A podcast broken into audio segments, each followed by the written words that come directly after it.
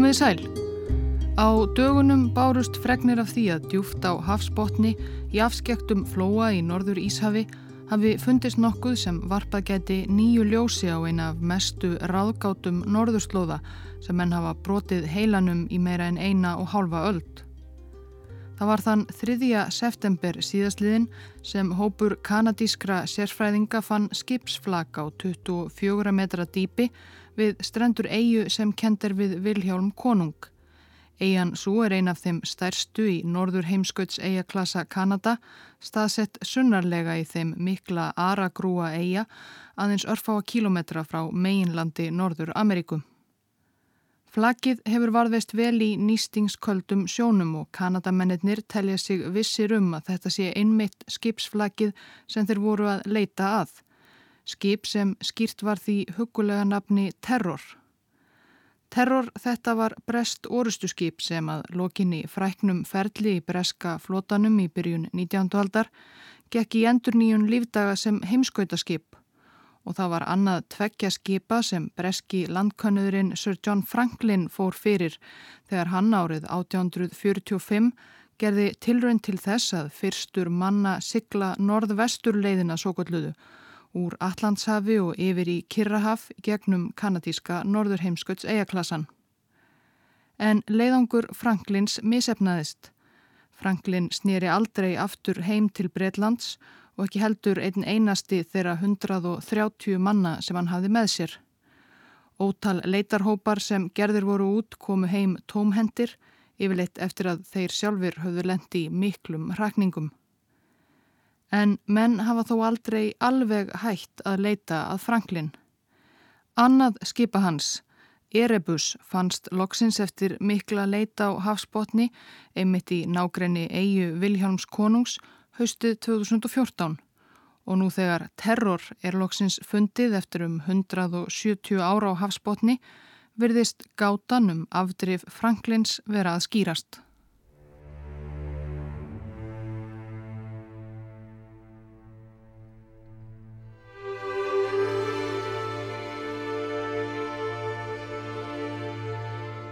Það vakti nokkra aðtegli fyrir réttrumum tveimur árum þegar danst flutningaskip Nordic Orion lagðist að Bryggju í finsku hafnaborginni Pori eftir nokkra vikna siglingu frá Vancouver í Kanada.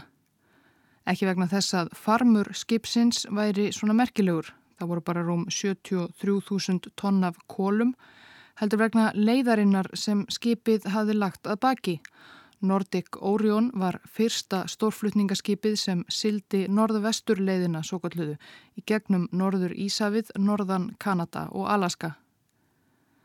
Með þessum hætti var Nordic Orion viku skemur á leiðinni frá Vancouver til Finnlands en hefði tekið að sigla í gegnum Panamaskurðin. 2000 dollara í eldsneitiskostnaði spöruðust og skipið gatt sömuleiðis tekið meiri og þingri farm en leifilegt er að flytja í gegnum Panamaskurðin. Nordic Orion er ekkert venjulegt flutningaskip. Skrokkur þess var styrtur sérstaklega til að ráða við hafís en einhverja síður er það auðvitað aðalega loftslagsbreytingar sem gerðu þetta afreg mögulegt. Hlínandi loftslag veldur því að heimskauta í sinn hopar og þessi erfiða siglingaleið verður sífælt greiðfærari. Þetta er því kannski ekki afreg sem við ættum að fagna sérstaklega, allavega ekki þau okkar sem hafa ekki beina hagsmunni af því að geta flutt 2000 tonna af kólum millir heimsálfa, örlítið hraðar og fyrir örlítið minni pening. En raunin er að menn hefur dreymt um að geta silt hinn að svo kallu norð-vestur leið öldum saman til að stitta leiðina millir Allands og Kirrahafs. Það var svo á Viktorjutímanum í Breitlandi sem norð-vestur leiðin varðað eins konar þráhyggju þjóðar. Brettar drottnuð þá yfir heimshöfunum og hugdjarfir breskir landkönnuðir voru í óða önnað kortleggja ímsa afskekta afkima en þrátt fyrir ítrekkaðar tilraunir tókst breska heimsveldinu alls ekki að finna færa siglingaleið í gegnum norður Ísaf. Oftar en ekki enduðu breskir konunarleiðangrar með ósköpum. Skipin festust í hafís, áhafnir þurftu að eida heilu vetrunum um borði í pikkföstum skipunum við ömurlegar aðstæður. Að reyna að bjarga sér burt fótgangandi yfir ísin var svo auðvitað óðsmanns æði. Til er frækt málverk eftir enska málaran John Everett Millais sem lýsir því vel hvernig þessi ítrekuðu vonbreyði verðast hafa sært brest þjóðarstólt. Verkið heitir einfallega Norðvesturleiðin en sínir þó ekki seglskip brjóta sér leiði gegnum hafís eða neitt af því tægi, heldur stofu á bresku heimili. Á gólfinu krýpur ung kona og glukkar frekar hnípinn í bók. Hún heldur í hönd föður sín sem er greinilega gammal sjóari, veður barinn í svörtum ullarjaka. Hann horfir einbeittur á áhorfanda málverksins, en þó má greina í fasi hans vombriði og sorg. Á skrifborði fyrir framannan eru siglingakort af norðvesturleðinni. Undir titill málverksins hljóðar svo Það er hægt og England ætti að gera það.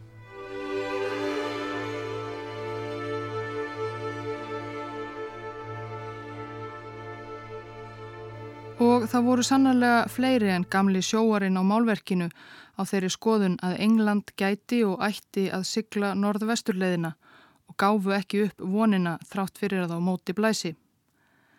Meðal þeirra var yfirmaður nokkur í breska flotamálaráðunitinu, Sir John Barrow.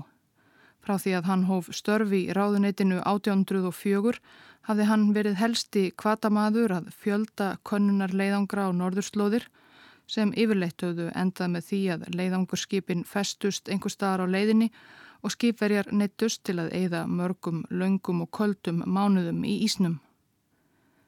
Enguða síður höfðu þessir konnuðir áorkað ímsu með ferðum sínum. Með hverjum leiðangrinum kortlögðu þeir meira af norður Ísafsvæðinu norðan Kanada og komist nær því að afhjúpa leindardóma þess.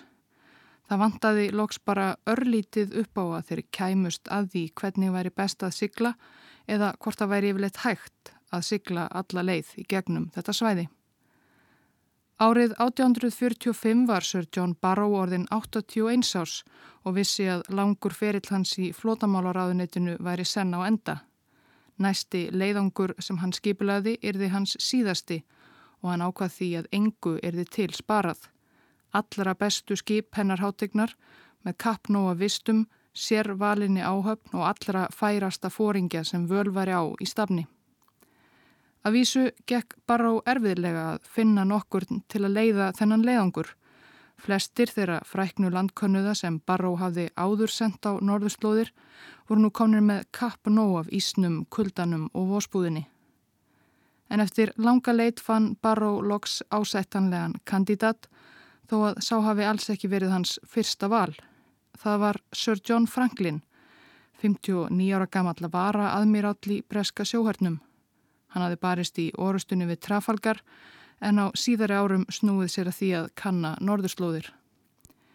Reyndar ekki alltaf með sérlega góðum árangri. Árið 1819 hafði hann farið fyrir leiðangri á landi til að kortleggja norðurströnd Kanada þar sem allt gekk á afturfótunum. Í þrjú ár hraktist Franklin með menn sína um 9000 km leið en tókst þó ekki að kortleggja nema brota brot af strandlengjunni. Veðrið var ömurlegt, vistirnar kláruðust fljótt og breytunum gekk ekkert að veiða sér til matar. Á endanum fórust 11 af 20 leiðangursmönnum, flestir úr hungri og pískrað var um það síðar að þeir sem komist af hafi gert það með því að leggja sér látna félaga sína til munns.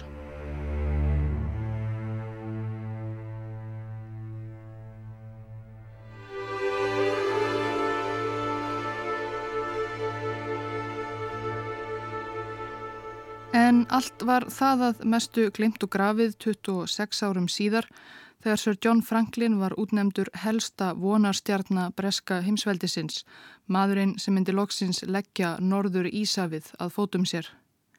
Eins og fyrr segir var engu til sparað. Skipin sem Franklin fekk til leiðangursins voru þau allra tæknilegustu og bestu sem nokkuð tíman höfðu sérst í norðurhöfum. Nöfn þeirra voru nót til að láta manni renna kallt vatn millir skins og hörunds.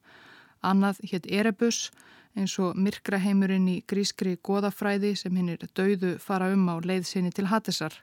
Hitt hétt einfallega terror, skjelving. Bæði áttu þau að baki feril í breska flótanum og voru svo kalluð sprengjuskip. Slík skip voru byggð til að bera öflugar og nýþungar sprengjuvörpur og voru því stór og sterk byggð og þóttu henda sérstaklega vel til leiðangra af þessu tægi. Erebus og Terror höfðu nokkrum árum áður silt um Suður Ísafið í tímamóta konunar leiðangri James Clark Ross að ströndu Suðursköldslandsins þar sem enn í dag mú sjá á landakortum tvö eldfjöll sem landkönnuðurinn skýrði eftir skipum sínum. Skrokkar skipana voru styrtir sérstaklega til að kljást við hafísin og fyrir leiðangur Franklins var ákveðið að bæta um betur svo að þau getu brotið sér leið áfram hvernig sem viðræði og hvernig sem kaldir heimskauta vindarnir blæsu var gufuvilum komið fyrir í þeim báðum. Og síðast en ekki síst voru skipin búin vistum sem áttu að næja til að fæða samanlagt 130 manna áhöfn í að minnstakosti þrjú ár. 15 tonn af niðursónu kjöti 9 tonn af grænmeti, 12 tonn af súpu, 7 tonn af kveiti, 30 tunnur af sítrónusafa til að koma í veg fyrir skirbjú og 17.000 lítrar af áfengi.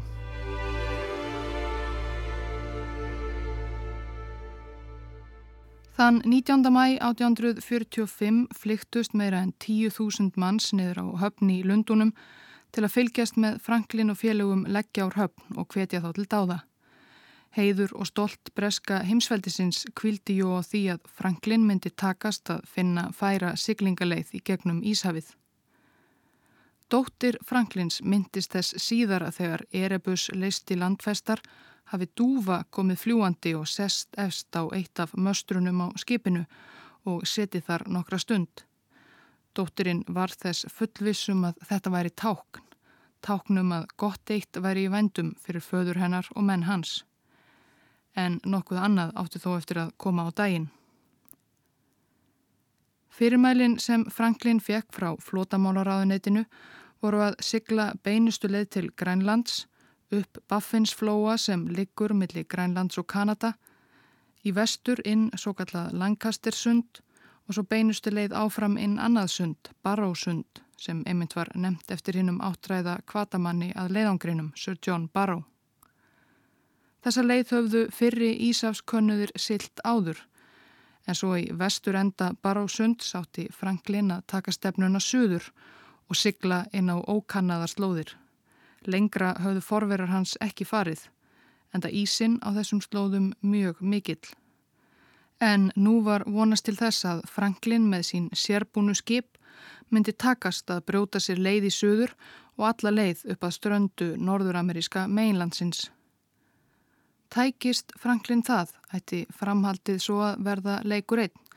Það þurfti bara að fylgja strandlingjunni sem hann sjálfur hafði jú tekið örlítinn þátt í að kortleggja í sínum þó frekar misefnaða leiðangri fyrir 26 árum og sigla sem leiðlá út í Kirrahafið og á spjöld sögunar.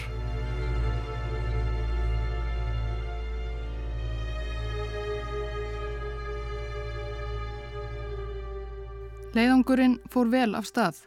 Erebus og terror flugu áfram og í lók júli voru þau komin inn Baffinsflóa þar sem þau byðu í nokkra daga eftir að aðstæður til að sigla inn Lancastersundið yrðu sem bestar. Á meðan þau byðu byrtust í flóanum tvö bresk kvalskip, Prince of Wales og Enterprise. Skipstjórin á því fyrirnemda bauð Franklin í heimsókn um borð. Franklin saði svo myndu endurgjald að greiðan kvöldið eftir og bjóða kvalviðimönnunum til hátíðar kvöldverðar um borði í Erebus, en það nægar vistir um borð. En það kom þó aldrei til þess. Strax um morgunin komu loksins þær góðu aðstæður sem leiðangursmenn höfðu beðið eftir til að sigla inn Lancastersund. Erebus og Terror fóru því strax af stað árla morguns. Og svo sáust þau aldrei meir. Skýperjar á kvalskipunum Prince of Wales og Enterprise voru síðustu Evrópumennir sem vitað er að hafi séð Franklin og menn hans á lífi.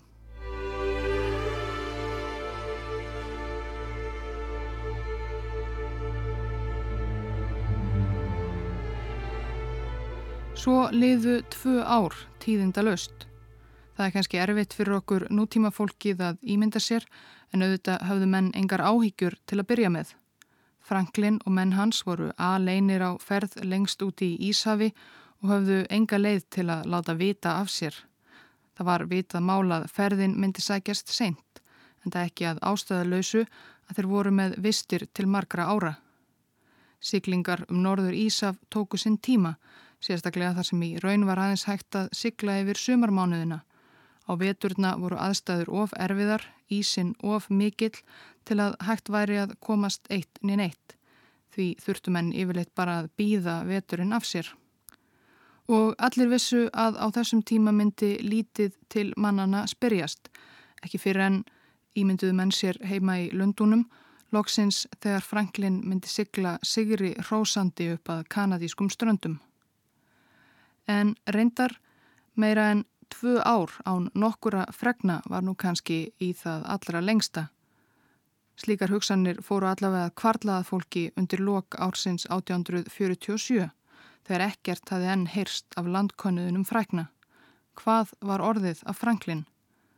Bresku blöðin fóru að skrifa málið en það fjölmiðla áhugin á leiðangrinum mikill sem fyrr. Og breskur almenningur fyltist áhyggjum. Stjórnvöld voru kvött til að grípa til aðgerða, senda út leiðangur tafarlöst til að leita að Franklin. Það var svo ekki síst eiginkona Franklins sjálfs, lafði Jane Franklin, sem knúði áum að leita þeirði að eiginmanni hennar. Skiljanlega vildi hún fá mannin sinn heim sem allra, allra fyrst.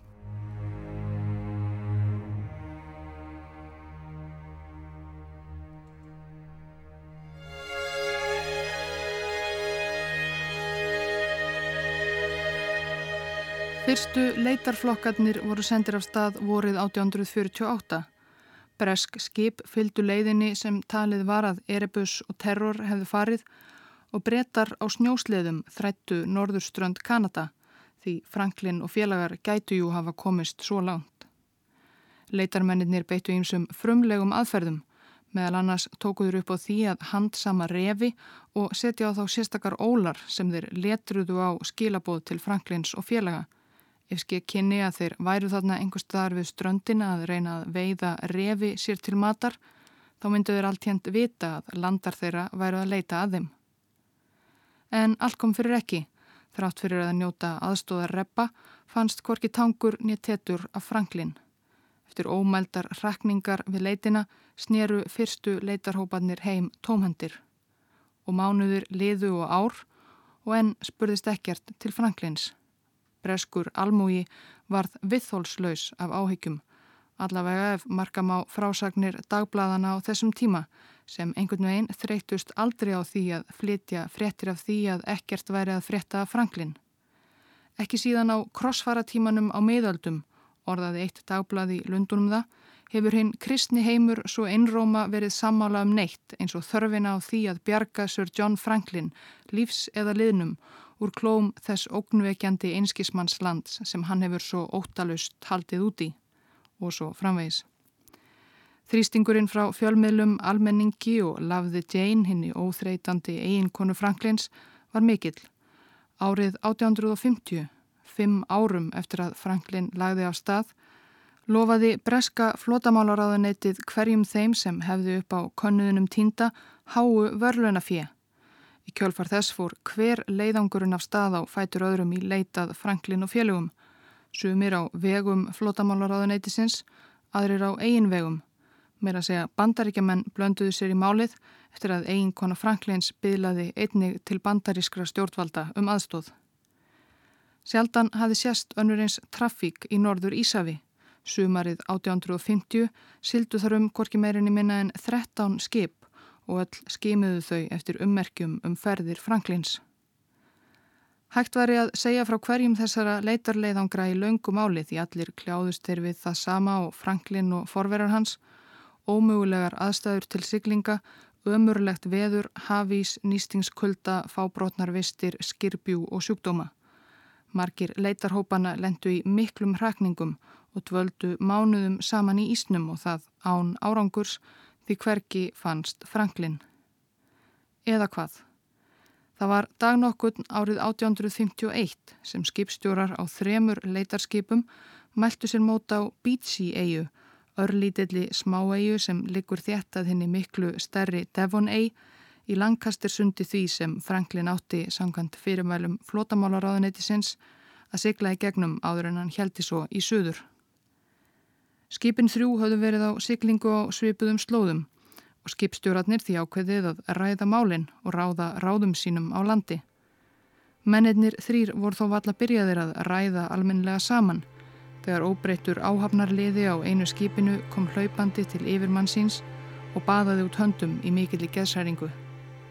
Á gungu sinni þarna í nákrenninu hafði hann gengið fram á þrjár grafir.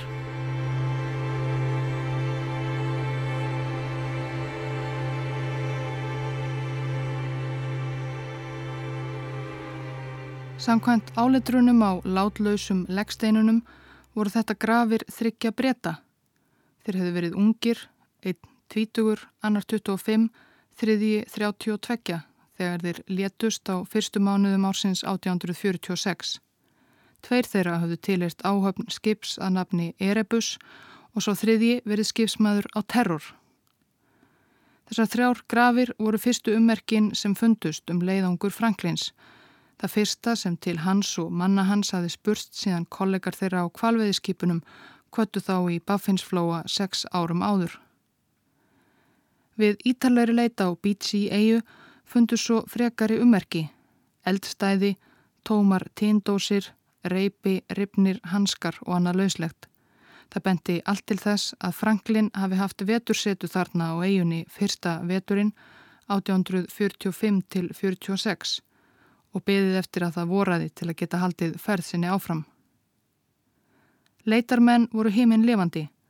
Loksins eftir sex ára leit funduðir eitthvað.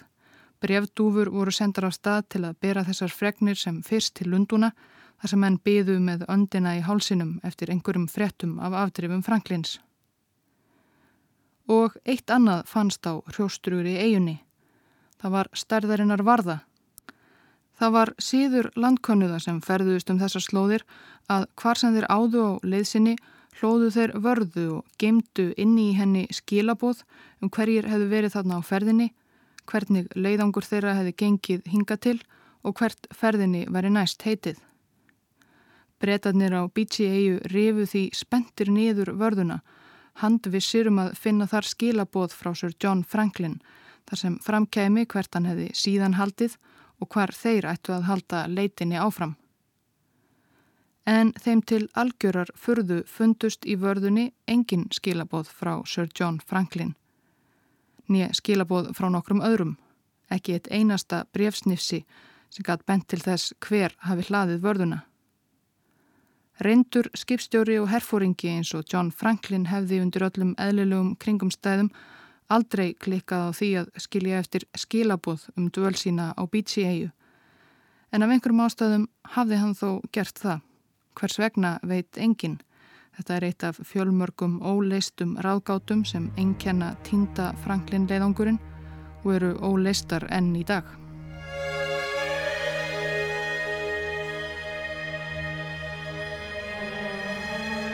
Svo að þrátt fyrir að loksins hefðu fundist ummerki um Franklin og félaga voru hennir ótalmörgu leitarhópar litlu nær um hvað þeir ættu að halda leitinni áfram. En það var þeim lítið ágengt í framaldinu.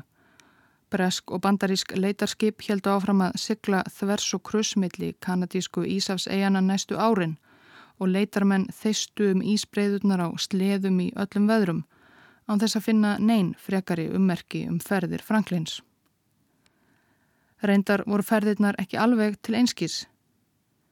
Leðtoga eins leitar leiðangursins Íranum Robert McClure tókst þannig að kortleikja það sem upp á vandaði og sanna að það væri fræðilega hægt að sigla frá Allandshafi yfir í Kirrahafið. Tókst sem sagt það sem hafi verið markmið Franklins að finna tínda hlekkin í norðvesturleðinni. Sundið sem McClure uppgötaði var þó svo ísilagt þegar hann barað gardi að það var ekki hægt að sigla þar í gegn.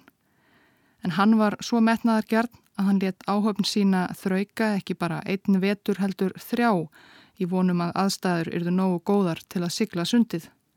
Allt kom þó fyrir ekki. Þegar fjórði veturinn nálgæðist og menn maklórs voru aðfram komnir úr hungri, vósbúð og sjúkdómum, rampaði fram á þá annar hópur breyta sem einnig leitaði Franklins. Maklúr og félögum var því bjargað á síðustu stundu og norð-vesturleiðin var fundin en Franklin var enn tindur og tröllum gefin og eftir að hver leitar leiðangurinn á fætur öðrum endaði bara með ósköpum og árin liðu fór menna gefast upp.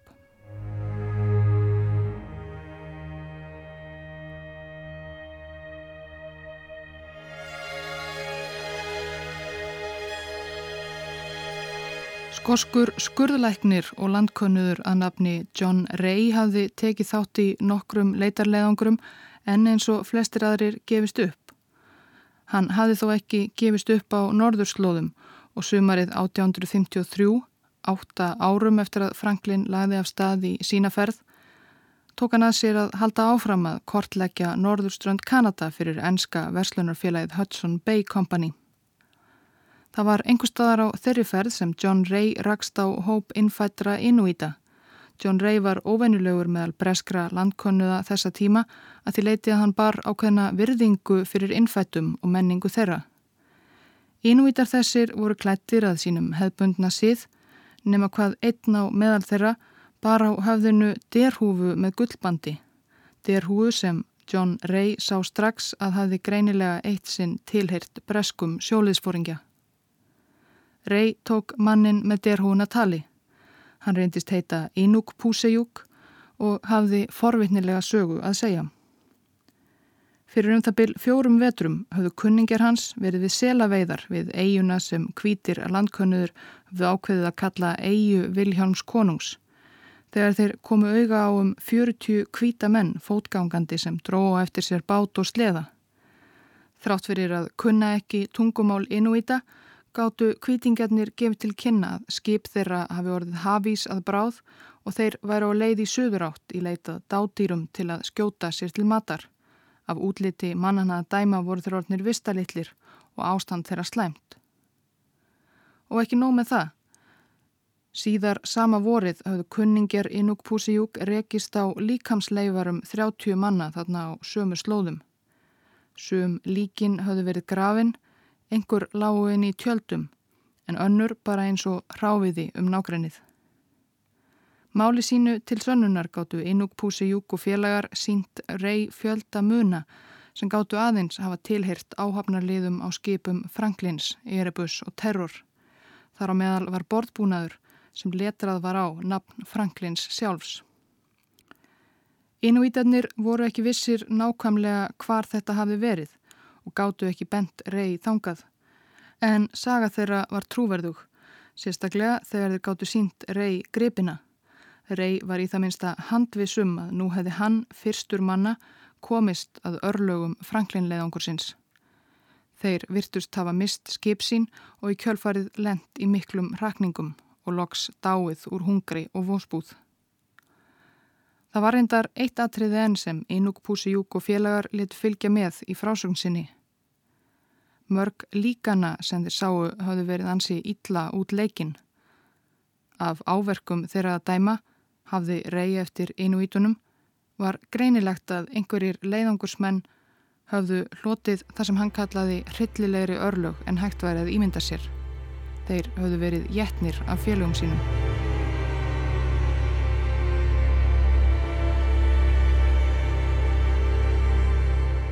Það vakti stórskandal þegar skýrsla reys af frásögn Inuítana byrtist í breskum fjölmjölum. Að halda því fram að hugdjarfir breskir sjómenn myndu leggjast svo látt að leggja sér félaga sína til munns. Jáfnvel í algjöru neyð myndi sannur bretti aldrei stunda mannátt, sögðu menn. Rey lendi í langvinnri og hatramri rittdeilu við sjálfan Charles Dickens sem dró frásögn hans í Eva og mannorð landkönnuðarins var dreyið í svaðið. Meira en hundrað árum síðar, upp úr 1980, rannsökuðu sérfræðingar líkamsleifar sem fundust grafnar í snjóin einmitt cirka á þeim slóðum sem Inúk Púsijúk og félagar sögðust hafa verið á ferð. Þá kom hinn sanni hryllingur bersinilega í ljós. För eftir eggvopna á beinunum bentu til þess að allir ætilegir bitar hafi verið vandlega hreinsaðir af þeim og þar að auki höfðu kjálkarnir verið fjarlægðir af höfuðkúpum mannana eins og til að geta sem auðveldlegast komist að próteinríkum heilunum.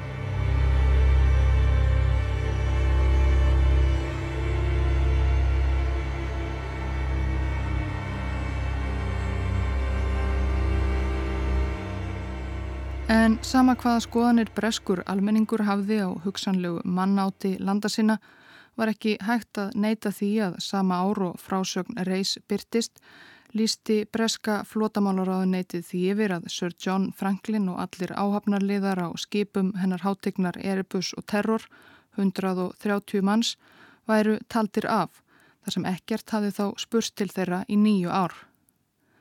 Bresk stjórnvöld höfðu þó eitt 675.000 pundum, andverði á að giska um 5 miljardar íslenskara króna á núverði í leitin aða Franklin. Bandaríkja stjórn, eiginkona Franklins og fleiri enga aðilar höfðu sömuleiðis eitt formúum. Tíu skip höfðu farist við leitað Franklin og að minnstakosti 12 leitarmenn látið lífið. Og nú voru allir búin að gefast upp. Allir þar að segja nema eiginkonan lafði Jane Franklin. Hún var ekki reyðubúin að setja sig við að ástkjær eiginmaður hennar væri úrskurðaður látin með einu pennastriki í flótamálar á þeirrans. Árið 1857, þá voru liðin 12 ár frá því að síðast spurðist til einmanns hennar, kifti hún sína eigin gufusnekju og réði vanan norðurslóðakönnuð í raðanabni Francis McClintock til að leggja upp í enn einn leitarleðangurinn. Lafði Franklin og McClintock ákváðu að hann myndi einbeita sér að suðlægari slóðum nálægt ströndu norður-ameríska meginlandsins og við heimaslóðir Inuitans Inukpúsijúks þó svo að vissulega legði Lafði Franklin engan trúnað á nexlanlegan vitnisspurð hans um hálf jétin lík. Sérilagi vildi McClintock innbeita sér að stórri eigu rétt örfáa kílometra úti fyrir meginlandinu sem kent var við Vilhjálm Konung. Það hafði engin leita þar en kannski leindust þar einhverjar vísbendingar. McClintock lagði af stað með 25 manna áhöfni júli 1857. Þegar í Ísafið var komið mættu honum erfiðar aðstæður og hann var í eitt og hálft ár að bróta sér leið alla leið á áfangastað að ströndu eigu Viljáms konungs. En um leið og þangað var komið var þann vissum að hann væri á réttum slóðum.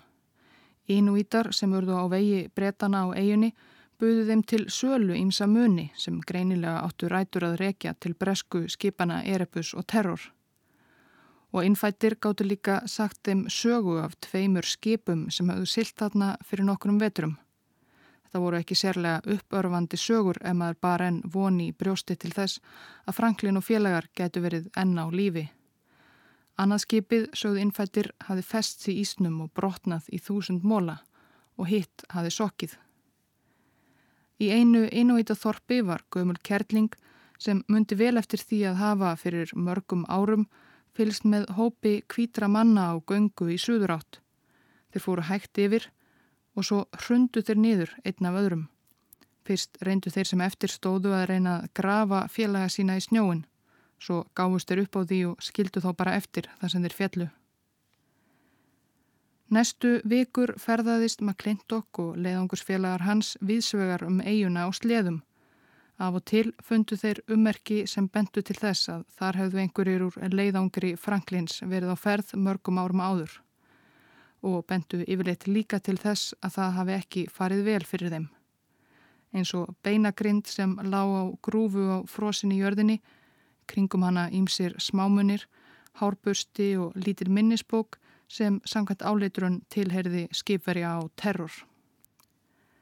Og loks á kletti við ströndina komuð þeir auga á næri tveggja metra háa vörðu. Menn McClintocks rifu vörðuna niður og viti menn þarna fundu þeir vissulega skilaboð. Það var bara eitt blað, brefsefni breska flótamálaráðanettisins. Skilabóðin voru dagsett 28. mæ 1847 og undir þau skrifuðu tveir skipverjar á Erebus og Terror. Mennirnir greindu frá því í stuttum áli að skipin hefðu eitt fyrsta vetrinum 1845 til 46 við Beachy eigu þar sem grafinnar höfðu fundist og þeim næsta í Ísnum þarna rétt hjá. Þeir var í hópi áttamanna sem höfðu farið í konunar leiðangur út á eigu Viljáms konungs. Allt í lægi voru loka orð skilabóðana. En það var kannski ekki allt í lægi þó að skipverjarnir tveir sem hlóðu vörðuna hafi kannski ekki verið búinir að átta sig alveg á því þarna. Þeir byggust eflust við því að með vorinu myndu Erebus og terror losna úr ísnum við eiguna og hægt væri að halda leiðangrinum áfram. En skipin virðast alls ekki hafa losnað. Það var meira skrifað á blaðið. Ári síðar hafði einhver snúið aftur til vörðunar, tekið blaðið og párað önnur skilabóð á spásjuna. Þau voru dagsett 25. april 1848 og þá var útlitið orðið öllu verra. Yfirgáfum skipin Terror og Erebus 22. apríl eftir að hafa verið fastir í Ís frá 12. september 1846.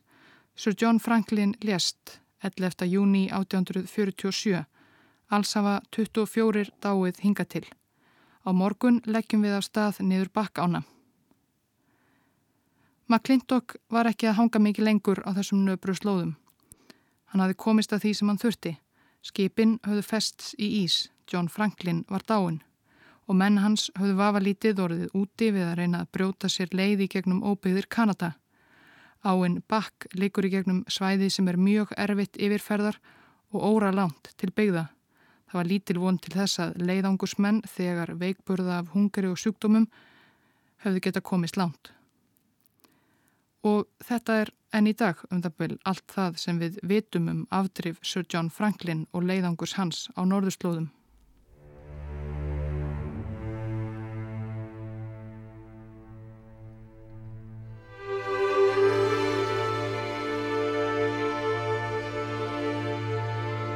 Flag skipsins terror hefur varðveist undra vel í ísköldum sjónum.